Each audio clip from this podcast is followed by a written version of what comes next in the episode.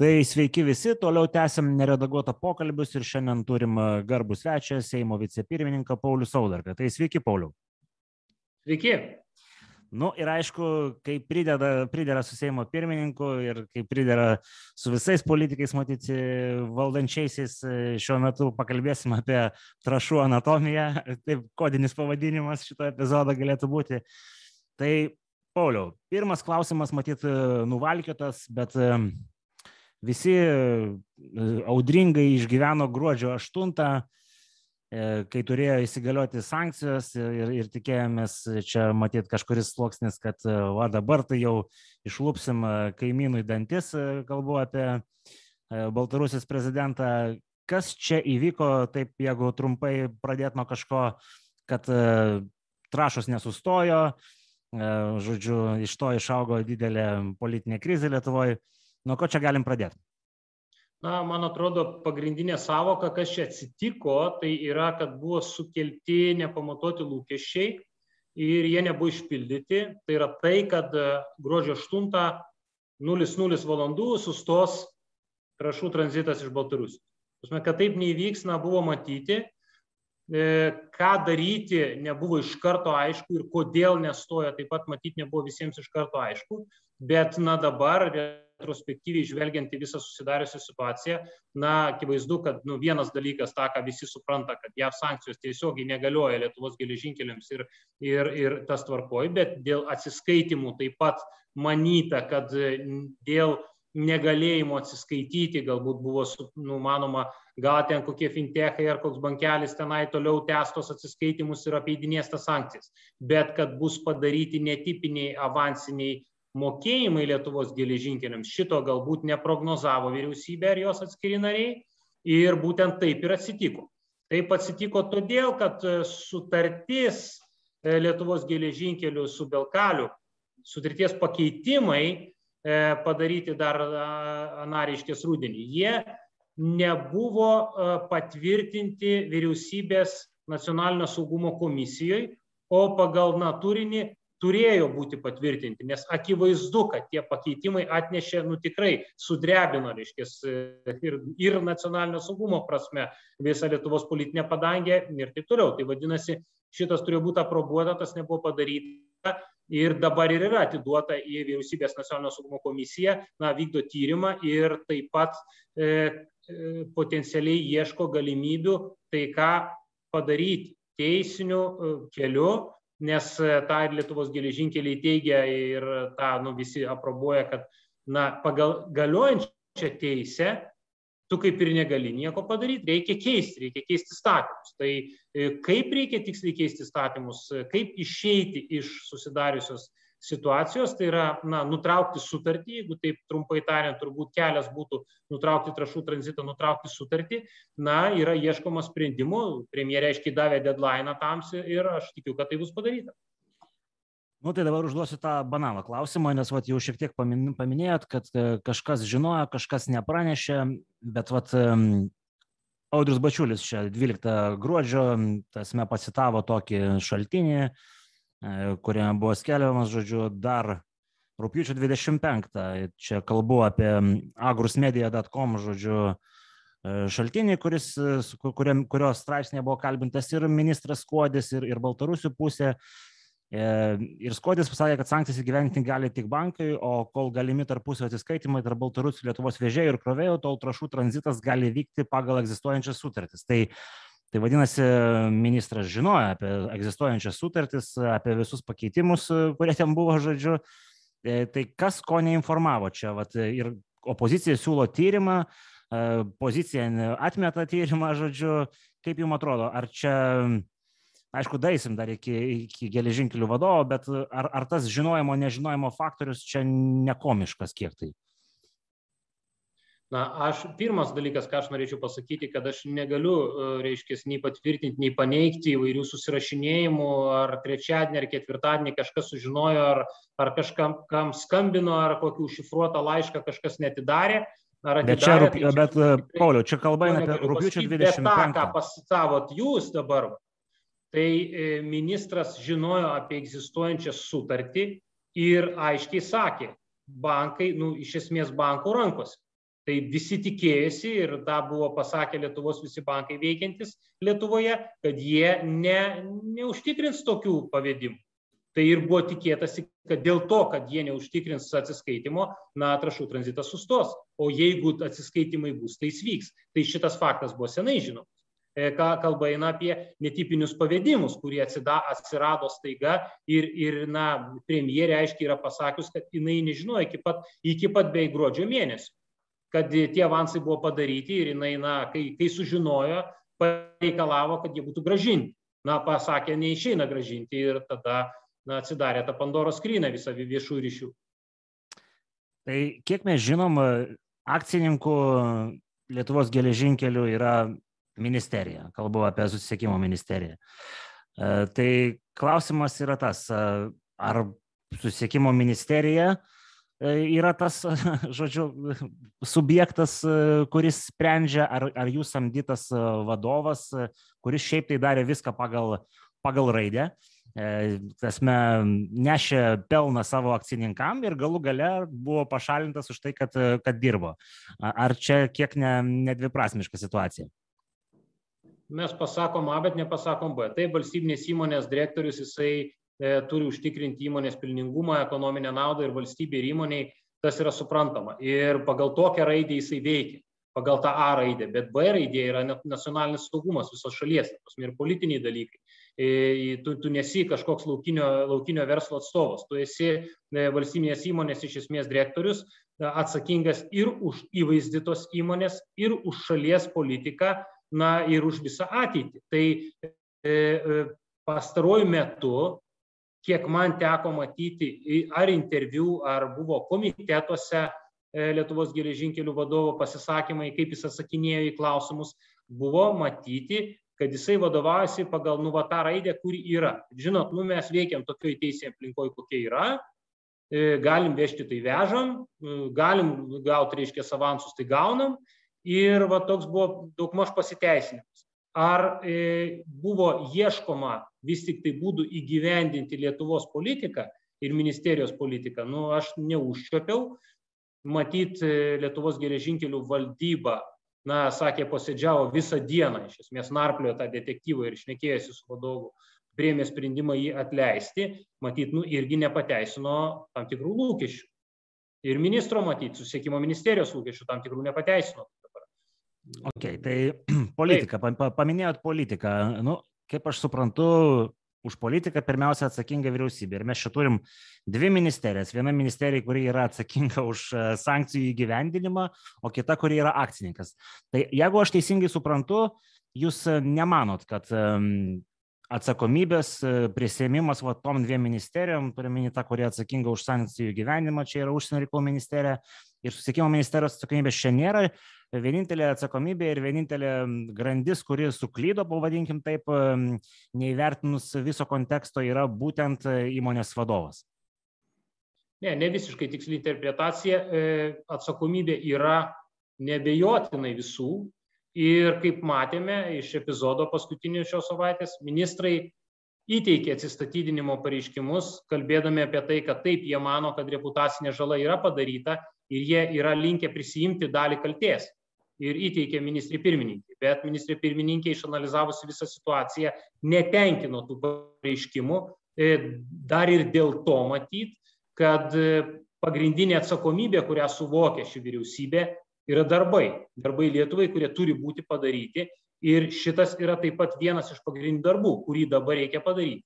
Deadline'as yra duotas iki sausio 31 dienos, pažadėta išspręsti e, šią susidariusią situaciją. Tai yra rasti išeitis, teisinės išeitis, kad trašų tranzitas baigtųsi ir na, ministrai toliau dirba savo darbą. Dabar šitoj šviesoj keisti ministrus, na vėlgi, čia kai kas sako, tai neturi tik ką pakeisti, tai yra tų žmonių visada politikoje ir TSLKD partija nėra ta, nėra ta reiškia, skurdi žmonėmis partija, tikrai turim užsiauginę nemažai politikų, kurie galėtų prisimti vieną ar kitą atsakomybę, bet ministrai yra įsigilinę į šią problematiką ir jeigu buvo kažkur juos per vėlai pasiekė informacija ar, ar kažkas kažko nedasakė ar, ar panašiai ir jie pateko į keblę situaciją, tai nereiškia, kad būtent ne jie galėtų geriausiai išspręsti dabar susidariusią situaciją. Ir matyt, ministrė pirmininkė taip ir mano, kad būtent šios sudėties vyriausybė toliau veikdama ir išnagrinėjusi šią situaciją gali geriausių būdų ją išspręsti, o ne kokia nors kita hipotetinė vyriausybė ar, ar vienas ar kitas ministras pašalintas. Tai akivaizdu iš šio sprendimo, kad logika yra tokia. Nu, tai tada turiu paklausti klausimą, kuris yra susijęs jau tiesiogiai su, su Seimu. Kodėl um, pagrindinis politikos uh, subjektas Lietuvoje, esmė įgyvenantis, aš turiu menį, ir gavęs mandatą Seimas nesijima formuoti kažkokios komisijos ir ištirti visų detalių, kai tokia iniciatyva yra ir galbūt tai būtų nu, ir marketinginė prasme labai sveikintinas žingsnis, kad va, mes atidarom visus stalčius, išsiaiškinam viską drauge ir pozicija, ir opozicija, kas čia trukdo šitai laikinosios komisijos suformavimui ir, ir, ir jos tyrimui. Marketinginė prasme tai gal buvo geriausia atsistatyti visai vyriausybė, ar ne, ir tada sakyti, nu tai jeigu jūs taip nori, dabar patys spręskit situaciją, bet taip nebuvo padaryti. Buvo prisimtas darbas, suprantant, kad reitingai nebus dėl to geresni ir, ir reputacinė žala yra padaryta ir, ir, ir vis tiek e, e dirbti toliau, surėmus pečius, na, yra matyti atsakomybės tam tikras požymis, o tyrimo komisija Seimo, na, yra toksai daugiau opozicinis žanras, ir suprantama, kad opozicijai būtų labai smagu, reiškia, ilgai, ilgai ir nuobodžiai narplioti visą šitą reikalą, e, kviečiant ministrus ant kilimėlį ir panašiai. Tai čia, nu, būkim bėdini, bet teisingi, čia toks yra žanras. O tai tą žanrą, matyt, tą, tą, tą žanrą žaistumėt ir jūs, jeigu būtumėt, bet tai čia yra dalis demokratijos. Mes aiškiai pasakėm, kad tyria situaciją ir analizuoja teisinės galimybės nacionalinio saugumo komisija, pati vyriausybė dirba ties situacijos išsiaiškinimu ir komitetai, tiek nacionalinio saugumo komitetas pasakė, tiek ekonomikos komitetas pagal savo kompetenciją parlamentinę kontrolę šitoje vietoje gali atlikti.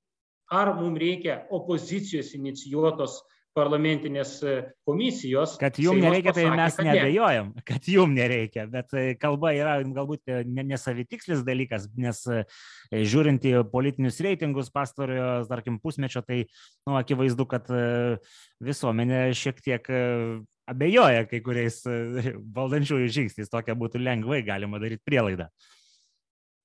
Na, tai niekada valdžia, kai jau ją išrenka nebebūna populiari, nes e, tenka e, dirbti realybėje, tą visi suvokia, kad reitingus gali augintis e, šiltai sėdėdamas opozicijoje ir kritikuodamas valdžią, na, kalbėdamas tai, ką žmonės nori girdėti arba registruodamas ten biudžeto pasiūlymus visiems į kairę, į dešinę padidinti, negalvojant iš kur paimti, nu tai sveikas populizmas toksai, nu jis visada yra daugiau opozicijos rankose, o valdžia turi doroti su tą situaciją, kuri yra ir dėja, bet šiai vyriausybei ir šiai valdžiai ir parlamentui taip pat nuteko tikrai nelengva užduotis e, nuo pat suformavimo dorotis iš esmės su, su, su labai didelio masto ir skirtingo pobūdžio krizėmis. Tai vienas dalykas, mums paliko nuo kalniuko rėdėti su antra banga pandemijos, antras dalykas, niekas nesitikėjo migrantų šitos hybridinės atakos, kas yra suorganizuota, nu tikrai visas pasaulis nustebo ir, ir Lenkai net nu, nustebo šitokio masto operaciją ir, ir jiems netaip paprastai sekasi, tiesą sakant, nors yra gerokai didesnė ir stipresnė valstybė, nu, Lietuva atlaikė. Galime pasakyti labai paprastai, Lietuva atlaikė. Ir trečią bangą, ir antrą bangą, ir ketvirtą, ir matom, omikronas kyla, ir laikomės, ir dirbam toliau. Tai va tas nuoseklus darbas toliau, nepaisant visų iššūkių, man atrodo, na, tikrai puošia šią vyriausybę ir šią koaliciją. Jo, tai ne, ne, aš ne, nesileisiu galbūt į diskusijas, nes po to čia iššoksim iš laiko apie, apie suvaldymus, nesuvaldymus ir, ir kitas kryžės. Taip, situacija yra ne visai ordinarinė, nu, sakykime taip, uh, ir tam tikri dramatiški vertybinės politikos žingsniai buvo ne, ne visai ordinariniai. Ir čia palieskim galbūt tik tai, kas siejasi su, su, su šitagi, su Belaruskaliu ir trašom. Tarkim, mūsų artimi kaimynai Estai e, didina tasme, tranzito apimtis su, su Lukašenkos e, režimu. Jie pirmiausia mano, kad matyt business first. Kitas esminis dalykas yra, kad kalio trašų gamintojų pasaulyje yra netiek daug ir jie uh, jeigu ne per mus judės iš, iš, iš ten, tai judės galbūt per Rusiją ir tada kitais geležinkeliais, kitais uostais. Ar mes čia, tasme taip, atsisakydami, kaip girdim dažnai, po pusę procento BVP, tik pusę, ne, nebus taip, kad lašas po lašo ir akmenį pratašo? Aš suprantu ekonominę logiką ir suprantu uh, nuostolius trumpam laikotarpiu. Žvelgiant taktiškai, šie žingsniai gali atrodyti rizikingi bet žvelgiant strategiškai, tai strategija yra labai aiški. Arba tu bendradarbiauji su režimu, arba ne. Tai čia tą galima taikyti ir Baltarusijai, ir Rusijai, ir Kinijai. Pasaulis jau suprato. Tai yra nepatikima rinka, tai yra nepatikimas žaidėjas, jei tu bendradarbiauji ir, ir darai biznį su mafinė struktūra, tu nežinai, kas tavęs laukia rytoj. Norės vieną dieną su realiu nebėliais, ras precedentą, dėl ko jie tą daro, ir, ir tavo visos, visi pardavimai sustos. Tai iš esmės e, vyksta tektoniniai dalykai, e, slinktis apskritai Euroatlantinė erdvė nuo, nuo Kinijos ir nuo Rusijos iš vis važiuoja į skirtingas pusės ir pasaulis kristalizuojasi į na, demokratinį ir nedemokratinį. Kažkas vis tik turi būti pirmieji, kažkas turi kalbėti aštriau ir taip mes maži ir, ir kažkas gali sakyti, kad mes turim tupėti tyliai, bet mes negalim sauliaisti tupėti ir na, sėdėti tiksliau ant tos pačios režimo adatos, viena ar kita prasme, mes esame politiškai nepriklausomi, tą įgyvendinom, mes suvokėme, kad turime būti energetiškai nepriklausomi, nors irgi reikėjo įtikinėti tam tikrus politikus ir, ir publiką ir opozicijos buvo nemažai, bet mes pasirašėme energetinės nepriklausomės strategiją, kur visos frakcijos balsavo. Tai kad ant režimo adatos tu negali sėdėti energetinė prasme, nei elektrą, nei dujom, nei taip toliau kodėl ekonominė prasme mes turėtume elgtis kitaip. Galvoti, nu žinai, čia tai galim paprekiauti šiek tiek ar trašom, ar ten, ar, ar dar ko nors. Tai ne, taip ne, neišeina, nes anksčiau ir vėliau režimas savo pasiims. Tai tą e, pasaulis yra labai aiškiai identifikavęs Kinijos atžvilgių. E, ES e, investicijos drastiškai mažėja pastaraisiais metais į Kiniją ir klausimas iš viso atsigaus. Lygiai taip pat iš Rusijos visi susivinioja meškerės. Tai Lietuva, na, iš esmės renkasi, kurioje pusėje jin yra. Ir e, būdami, e, kalbėdami galbūt netgi garsiau ir drąsiau, mes e, galime susirinkti tam tikrus bonusus Euroatlantinė erdvėjai.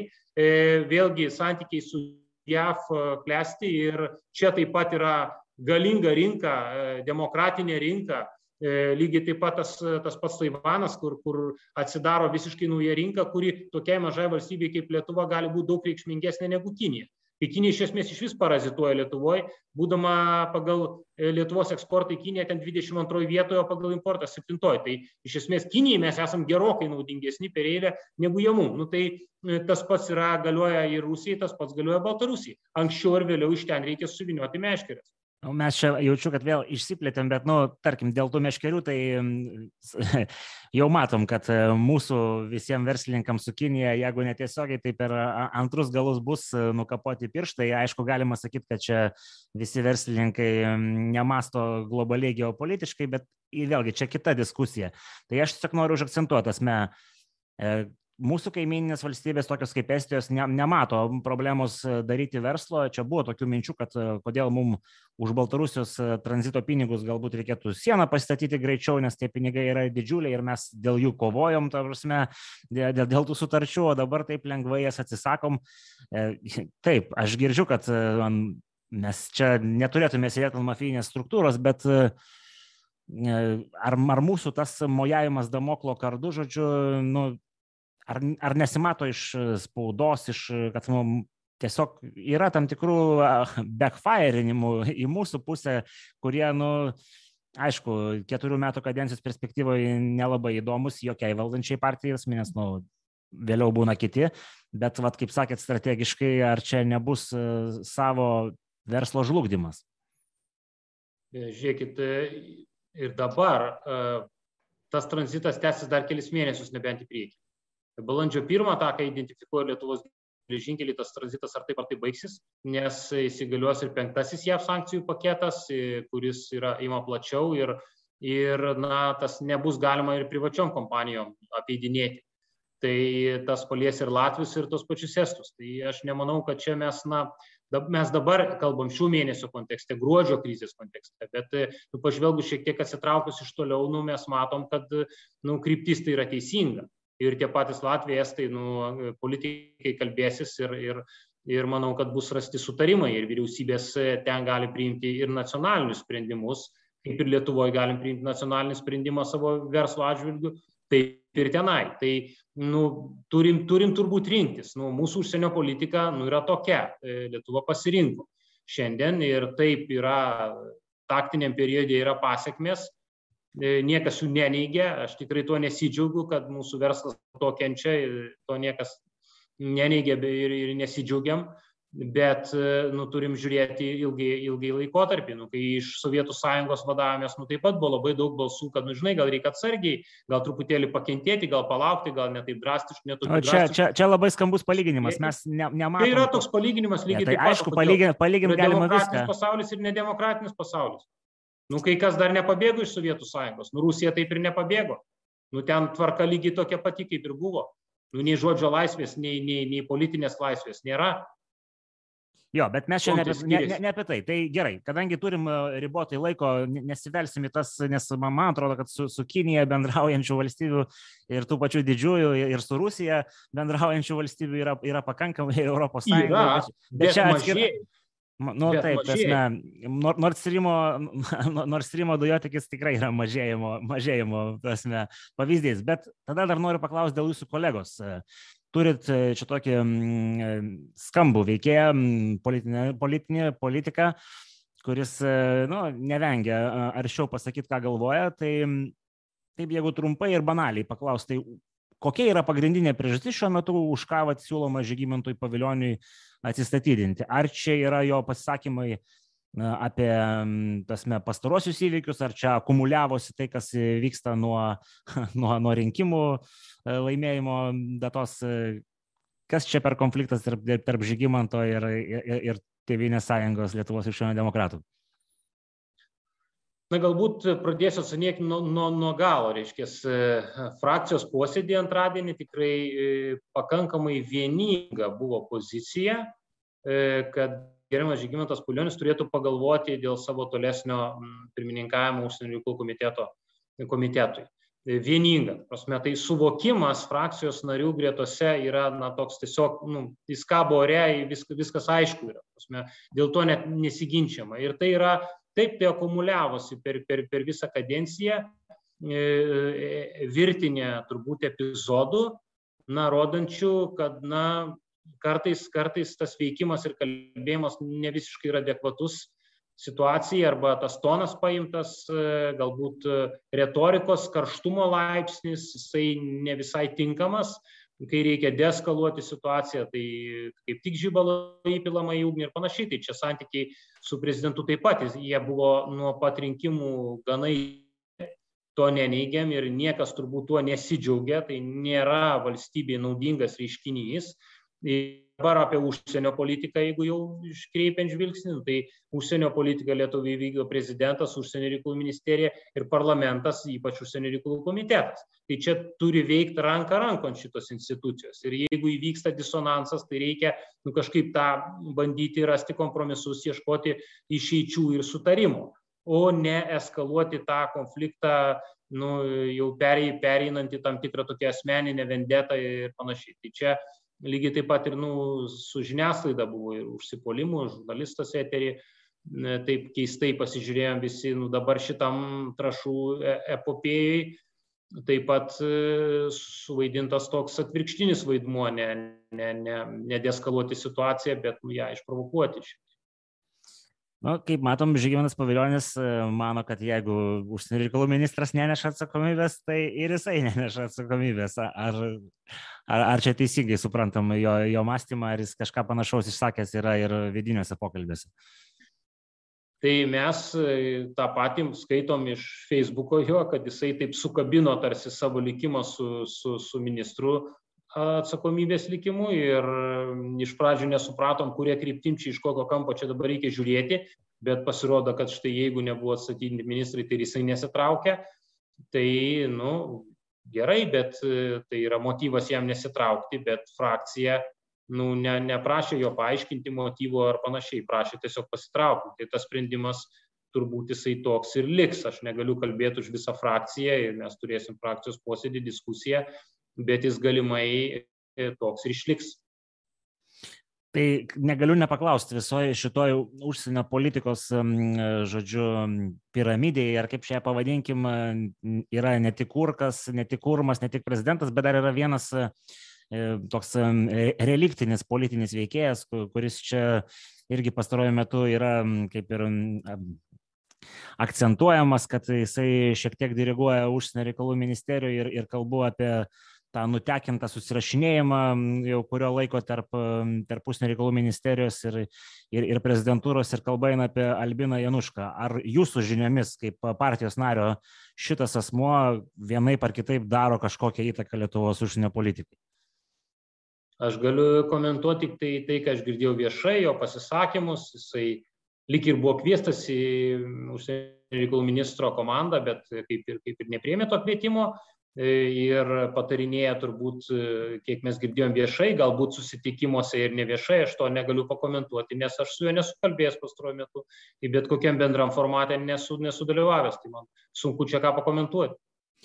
Supratau, tai dar turim tokią, tokią kaip čia pasakyti, naratyvo gyją, kuri yra vystoma, kad uh, dabartinė valdžia norėtų privatizuoti Lietuvos geležinkelius ir, ir, ir, ir birių krovinių terminalą ir ta proga yra vat, kišami pagaliai į ratus. E, kaip Jūs galėtumėt pakomentuoti, ar, ar čia nėra taip, kad kažkas nori įsisavinti valstybės turtą, per kurį laiką jį sumenkinus?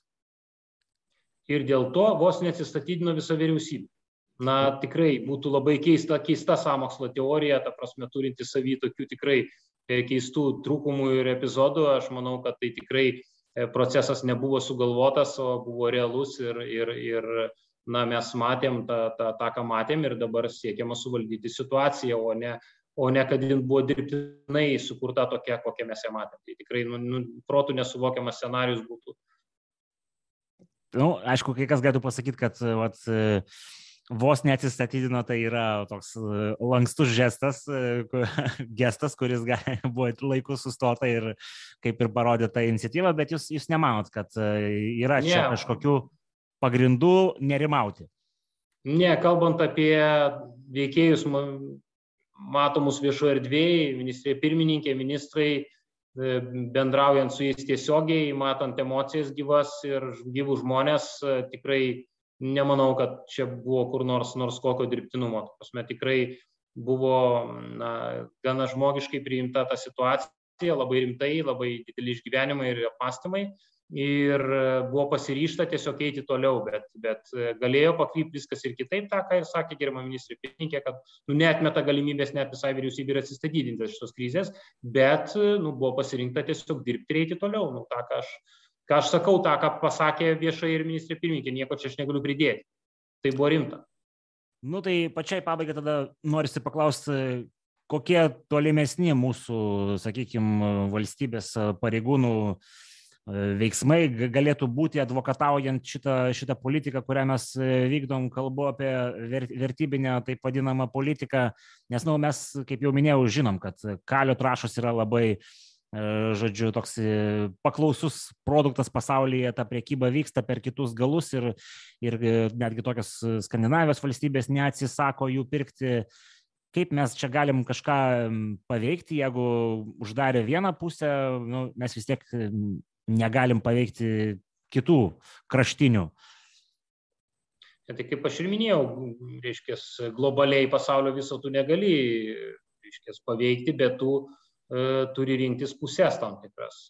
Ir tos pusės aiškiai atsiskiria, man atrodo. Tai, Pauliu, va čia toks klausimėlis. Tarkim, kai Taip. viena iš Norvegijos valstybių neatsisako pirkti e, smekalio trašų iš Rusijos ar Baltarusijos, tai ar jie pasirinko nedemokratinę pusę, ar jie tiesiog atskyrė verslą nuo, nuo geopolitikos, ar čia dar kažkas e, nu, nu, nutinka? Verslo, verslo nuo geopolitikos tu atskirti negali. Pasme, taip neišeina. Tavo valstybė yra įtakojama tada per verslą ir tą mes puikiai jaučiam ir matėm ir Lietuvoje. verslininkas ateina į eterį ir, ir taip argumentuotai kalba iš ekonominės logikos, kritikuoja, tarkim, vyriausybinę politiką ar panašiai. Tai tas veikimas yra, yra akivaizdus ir galbūt valstybės, kurios yra toliau nuo tų geopolitinių tektoninių lūžių vietos, e, ne, nėra pasienio bastionai, taip kaip yra Lietuva, nu jos gali šiek tiek švelniau žiūrėti situaciją. Ta, tą mes matom ir tai visą laiką, visais laikais tai buvo. Jūs čia kalbate ir apie Nord Stream 2 ir taip toliau, nu tai, nu tai tos, kurios yra toliau nuo, nuo įvykio epicentro, jos gali vadovautis ir ekonominė logika leisti savo. Todėl mes ir turim būti tam tikri advokatai šitos politikos ES mastu ir tokie esam, nes neturim kitos išeities. Nes mus tiesiog suvalgys, jeigu mes nesilaikysim ir jeigu ne, netemsim virusos ES, na, iš esmės tą kryptimį, kad nu, demokratinis pasaulis turi, turi, turi galvoti apie, apie pasiekmes e, savo, savo, savo pasieniui, ne, nu, jeigu bendradarbiausiu su nedemokratiniais režimais. Nu ką, Pauliu, tai aš manau, kad e, taip e, trumpai vis tiek apžvelgiam šito klausimo esmę. Čia daug ugnies e, taškėsi ir matyt dar taškysis ir, ir jum teko proga ne vienoje laidoje pašnekėti ir nebejoju dar teks. Tai, tai dėkui, kad skiriat laiko. Tikiuosi kitą kartą šiek tiek plačiau kokį klausimą paimsim, bet nu, šito klausimu norėsiu kažko pasišnekėti iš valdančių ir kadangi jūs nevengėt ir pats išsakyti nuomonės, tai nu, pasirinkom jūs kaip tą asmenį. Ačiū labai. Į ką, tai dėkui visiems, kurie žiūrėjot, nepamirškit mūsų socialiniuose tinkluose ir ką, iki kitų kartų.